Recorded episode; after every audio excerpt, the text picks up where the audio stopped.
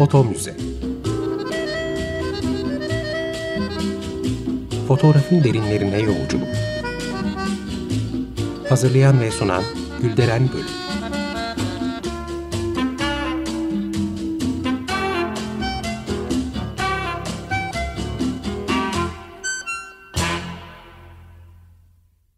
Merhaba değerli dinleyiciler, fotoğraf tarihçiniz ben Gülderen Bölük. Her zamanki gibi destekçimize Sayın Cemal Gürsel Yamalıoğlu'na teşekkür ederek e, başlamak istiyorum programa.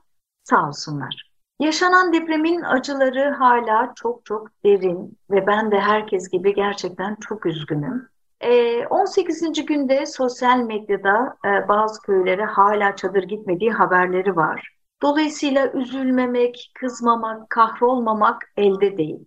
Ama yine de her şeye rağmen biz işimizi yapmaya, en azından kendi sorumluluklarımızı üstlenmeye devam ediyoruz, edeceğiz. Ee, bugün programımızda değerli konuklarım var. Fotoğraf sanatçısı ve akademisyenler Hürü Özlük, Ebru Ceren Uzun ve Derya Kılıç. Aslında Elçin Acun da e, bizlerle birlikte olacaktı ama rahatsızlığı dolayısıyla katılamadı. E, biz deprem konusu üzerinde konuşacağız. Hoş geldiniz arkadaşlar. Hoş bulduk. Merhaba. E, konuklarım Van depreminden 3 ay sonra 2012 yılının başlarında e, oraya giderek fotoğraf çekimleri yaptılar. E, bunun hakkında konuşacağız ki e, bu çalışmalar daha sonrasında çeşitli kerelerde sergilendi. E, şimdi siz bir fotoğrafçı olarak e, oradaydınız ama aynı zamanda e, insanız, etkileniyoruz. E, bütün o afeti yaşamış, tüm çıplaklığıyla olduğu gibi ortada olan ve var olma mücadelesi veren e, yeni bir yaşam kurmaya çalışan bu insanlar karşısında yaralanmamak elde değil. Dolayısıyla bu çekimler boyunca sizi etkileyen şeyleri soracağım. E, biliyorum hepiniz gidince belgeselci bir refleksle pek çok şeyi ve hatta benzer e, şeyleri çektiniz. Ama yine de her birinizin işinde bazı alt başlıklar biraz daha öne çıkıyor gibi. E, Hürü mesela senin çalışmalarında kadın ve çocuk biraz daha ayrışıyor gibi. E, bize biraz anlatır mısın o süreci ve çalışmalarını lütfen? Zaten e, şöyle bir şey var. E, ben 99'da da e, depremde kadın ve çocuk konulu bir çalışma yapmıştım fotoğrafla ilgili. Yine çadır kentler yani deprem olduğu an değil de olduktan sonra artık da hayatın o geçiş dönemi hani yıkıntılardan çok geçiş dönemi. Doğal olarak da o gündelik hayatın örgütlenmesi. Bir grup çadır kentte, bir grup işte tabii ki prefabrikte. Hani bizim iki veya üç ay sonra gittiğimizde ben 99 depreminde de Van depreminde de bu süreci ikisine de tanık olmuş biriyim. Tabii ki doğal olarak da fotoğrafçı olduğumuz için görsel olarak tanıklığımızı yapmak istedik ve depremde doğal olarak hepimiz etkileniyoruz. Yani burada bir e, ayrım kadın erkek çocuk diye ayırmak değil ama gündelik hayatın özellikle çadırda ve prefablikte geçen gündelik hayatın örgütlenmesinde en büyük rolü alan başta kadınlar oluyor. Doğal olarak da onlara bağımlı olan çocuklar oluyor. Yani ben biraz daha oraya odaklandım.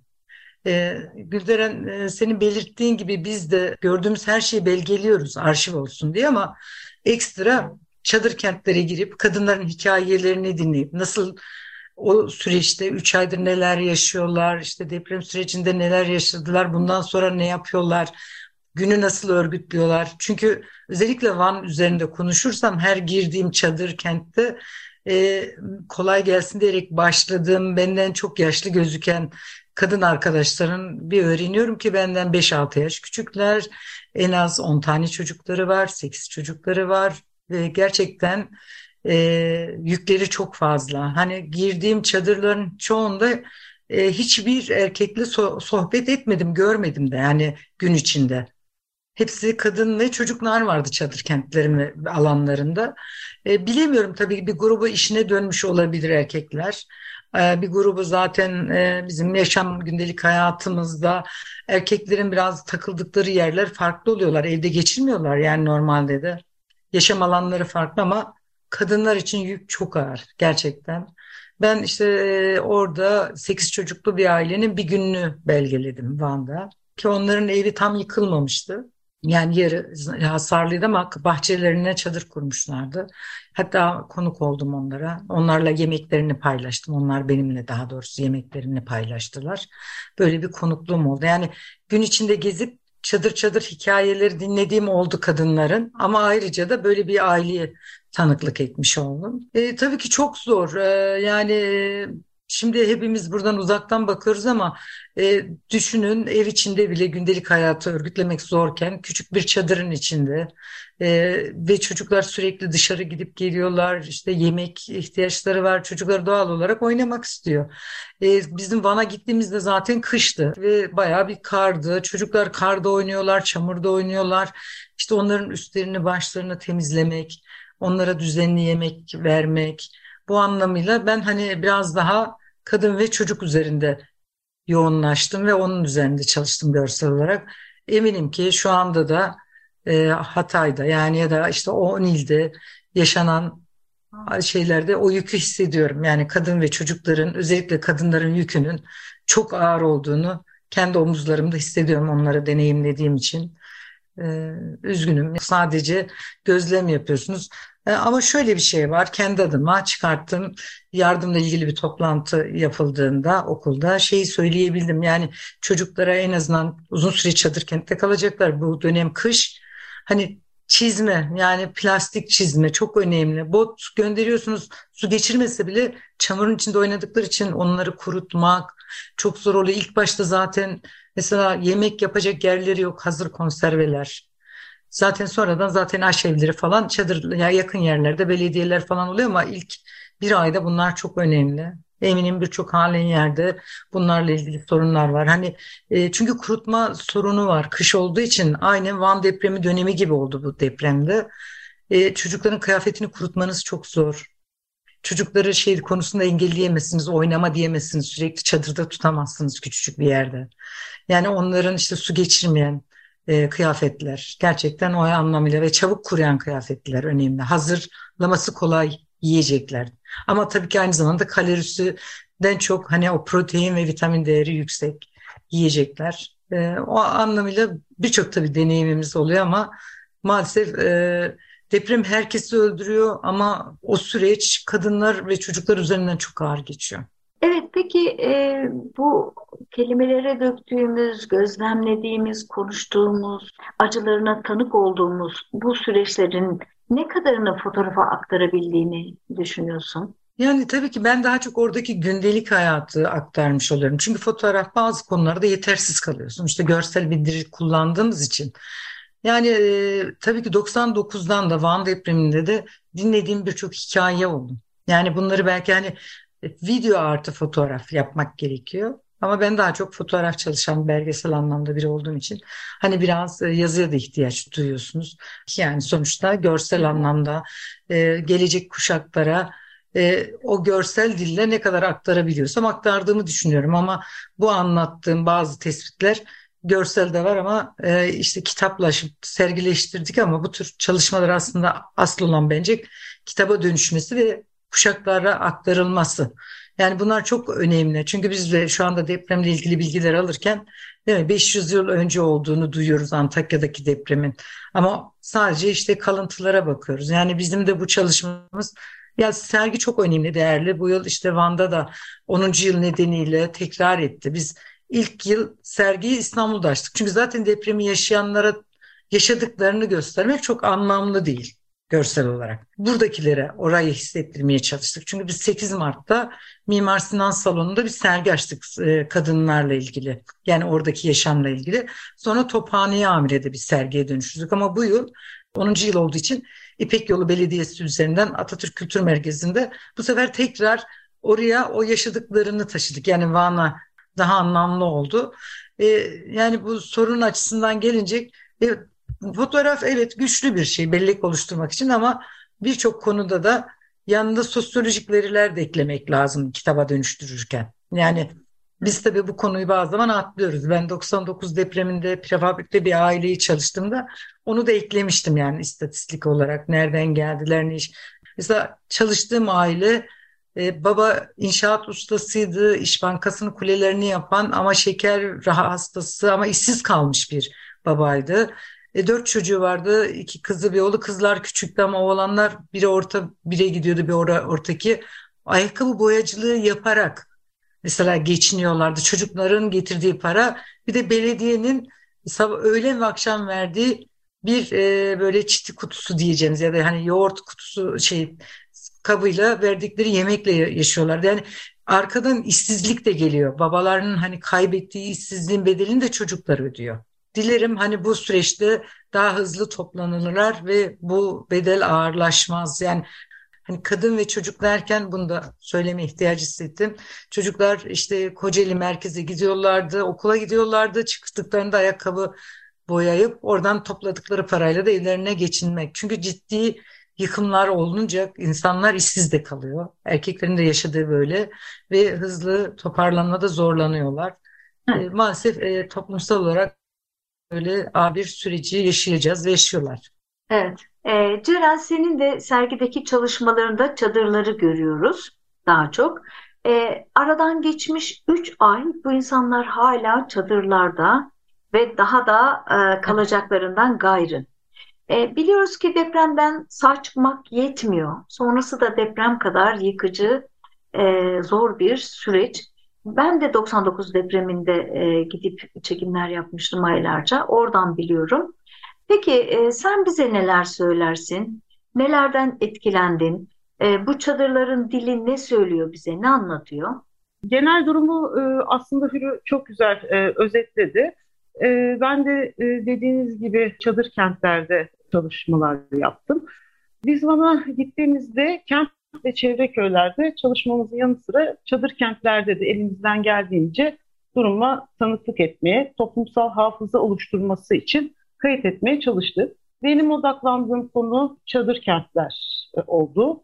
Bu çalışmada farklı birçok toplama alanındaki çadırları, özellikle kendi özgü yapıları ile e, sonrasında ise bu çadırların önlerinde yer alan insani detayları kayıt etmek istedim. Tabii ki bu hemen e, kente vardığımız anda olmadı. Önce deprem bölgesini genel olarak gezdim.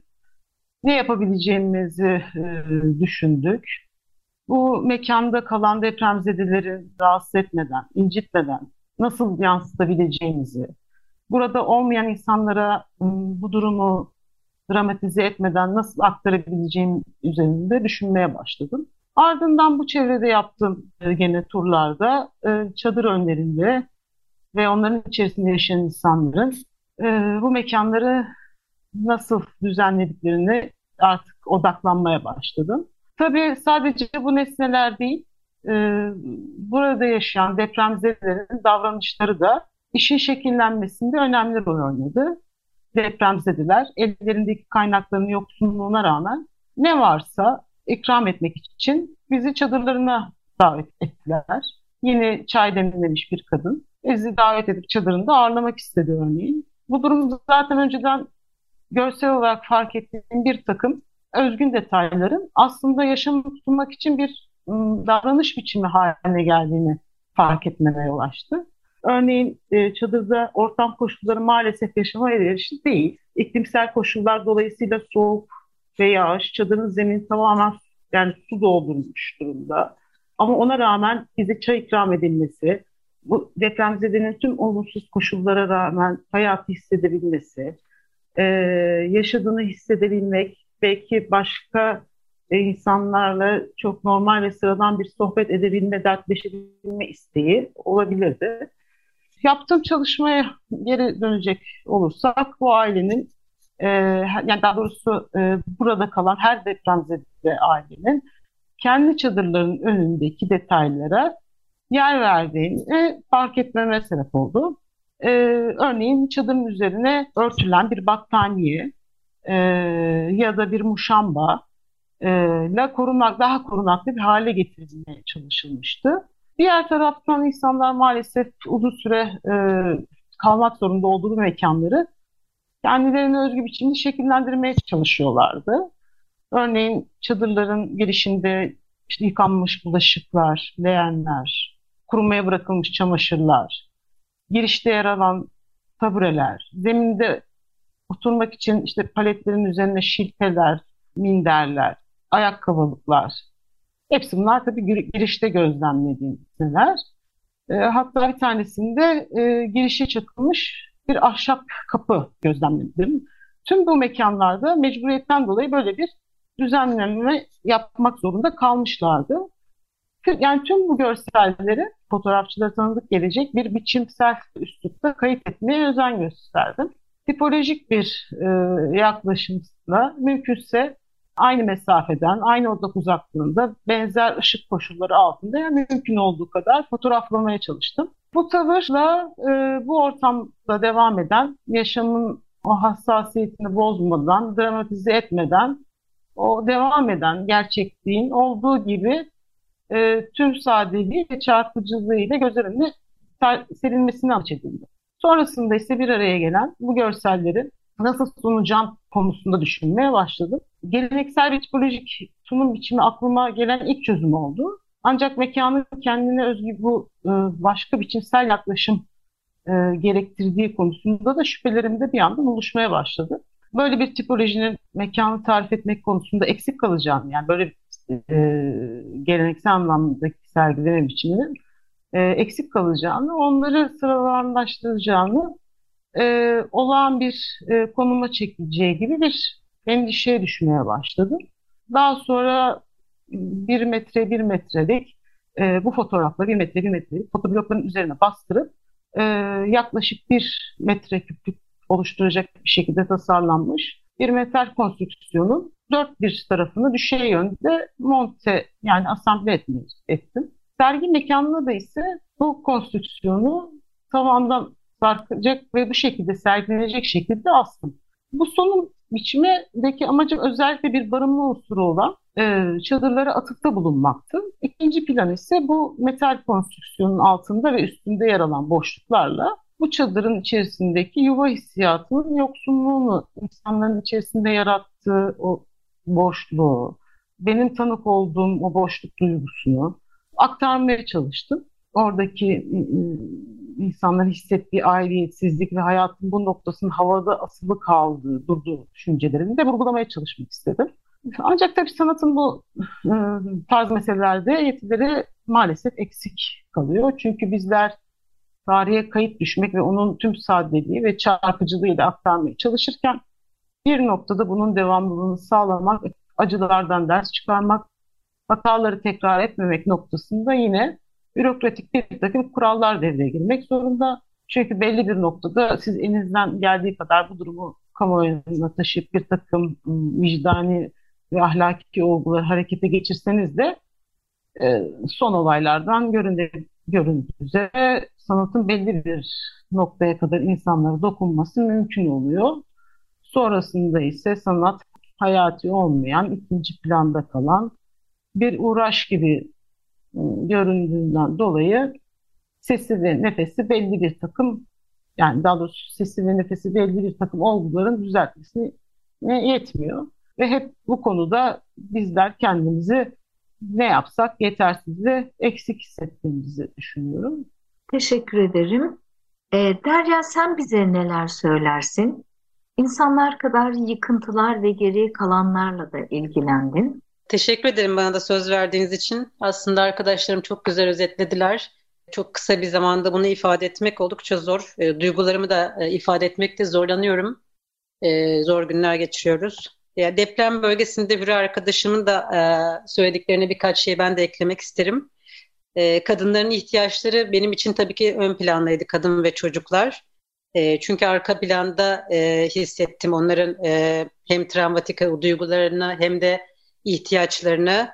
E, çünkü e, gerçekten günlük hayatı örgütleyen kadınlar da orada ve işte yemek yapmak, soba e, soba yakmak, çocuklara bakmak ve e, tuvalet banyo ihtiyaçları, sorunlar ve bunun yanında e, yalnız olan kadınlar, tek başına anne olanlar, e, bunların güvenlik sorunları beni çok çok etkilemişti. E, bunların yanında tabii bir plan yapıyorsunuz, bir e, deprem e, afet bölgesine gidiyorsunuz. E, aslında oldukça da zaman geçmişti. E, o orada yüzleştiğiniz şeyle e, kendi gerçekliğinizde yani kendi evinizden baktığınızda yüzleştiğiniz şey çok aynı olmuyor açıkçası. Çok çok daha zorlandık duygularımızı yönetmede. Orada e, bir şekilde iletişim kurduğumuzda e, elimizde fotoğraf makinesiyle kala kaldığımız çok zaman oldu.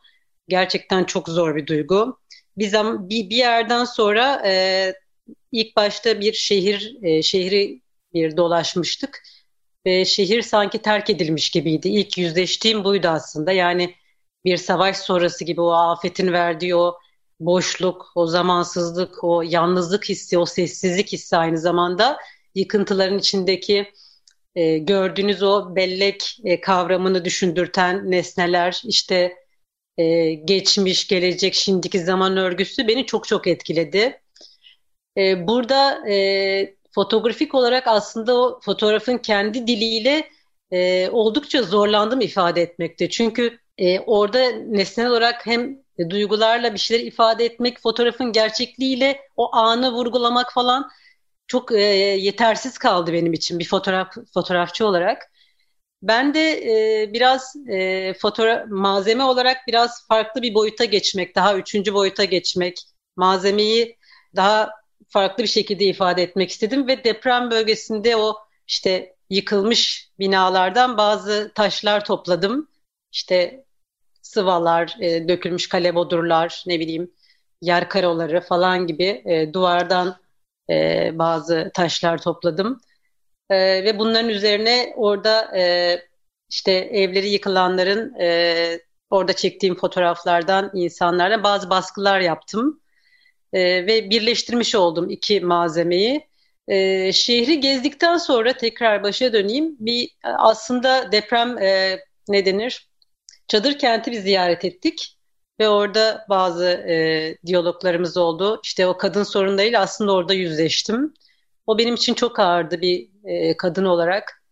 Sonrasında e, daha ötesinde ne oluyor acaba? Hani burası daha yani e, şey bölgesi daha merkezi bir yerdeydi.